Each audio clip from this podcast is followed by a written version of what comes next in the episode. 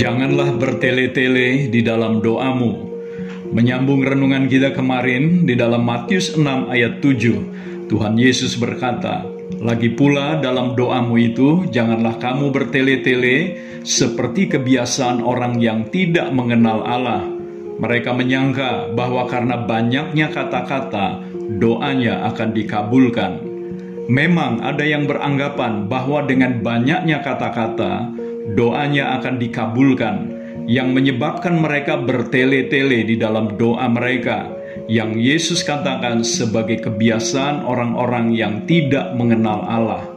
Penggalan kalimat "jangan kamu bertele-tele" di dalam berbagai terjemahan Alkitab ditulis sebagai "janganlah menggunakan pengulangan yang tidak berarti" atau "janganlah terus-menerus mengoceh" atau janganlah menumpuk ungkapan-ungkapan yang kosong. Dan di dalam versi King James, janganlah menggunakan pengulangan yang sia-sia. Ini tidak berarti bahwa kita tidak boleh berdoa panjang atau menggunakan banyak kata-kata. Ini bukan juga berarti bahwa kita tidak boleh mengulang kata-kata doa kita karena bisa jadi Yesus juga berdoa dengan banyak kata-kata ketika dia berdoa semalam-malaman.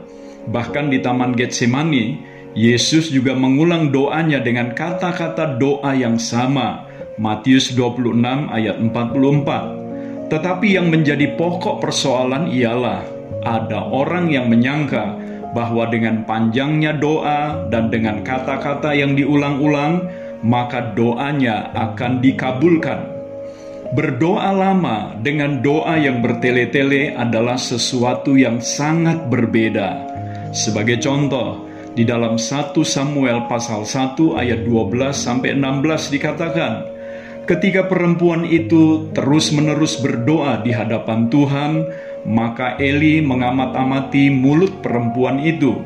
Dan karena Hana berkata-kata dalam hatinya, dan hanya bibirnya saja bergerak-gerak, tetapi suaranya tidak kedengaran, maka Eli menyangka perempuan itu mabuk. Lalu kata Eli kepadanya, "Berapa lama lagi engkau berlaku sebagai orang mabuk? Lepaskanlah dirimu daripada mabukmu." Tetapi Hana menjawab, "Bukan, tuanku, aku seorang perempuan yang sangat bersusah hati." anggur ataupun minuman yang memabukkan tidak kuminum, melainkan aku mencurahkan isi hatiku di hadapan Tuhan.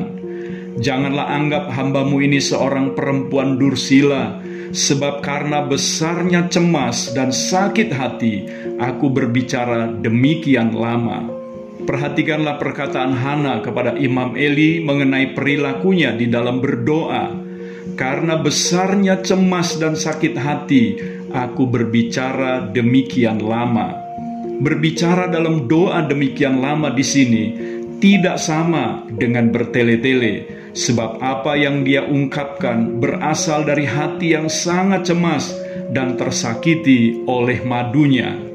Sekarang kita bandingkan dengan doa yang bertele-tele yang hanya merupakan pengulangan yang sia-sia di dalam kisah pertandingan Nabi Elia dan Nabi-Nabi Baal di Gunung Karmel di dalam satu Raja-Raja 18 ayat 26. Mereka mengambil lembu yang diberikan kepada mereka, mengolahnya dan memanggil nama Baal dari pagi sampai tengah hari.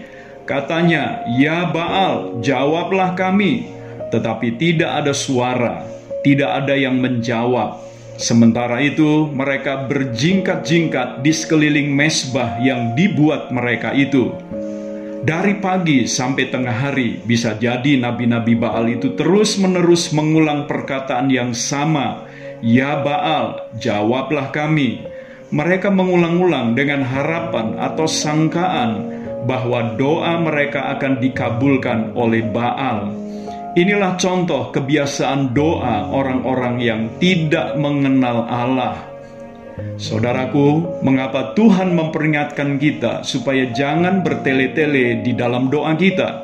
Di dalam Matius 6 ayat 8, Tuhan melanjutkan, Jadi janganlah kamu seperti mereka, karena Bapamu mengetahui apa yang kamu perlukan sebelum kamu minta kepadanya.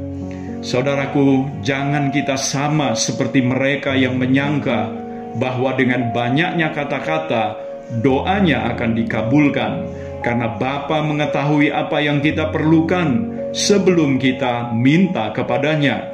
Ya, Bapa kita di sorga mengetahui apa yang kita butuhkan dan perlukan sebelum kita meminta kepadanya. Saya Theo Barahama, Bring Heaven Home, Tuhan Yesus memberkati saudara.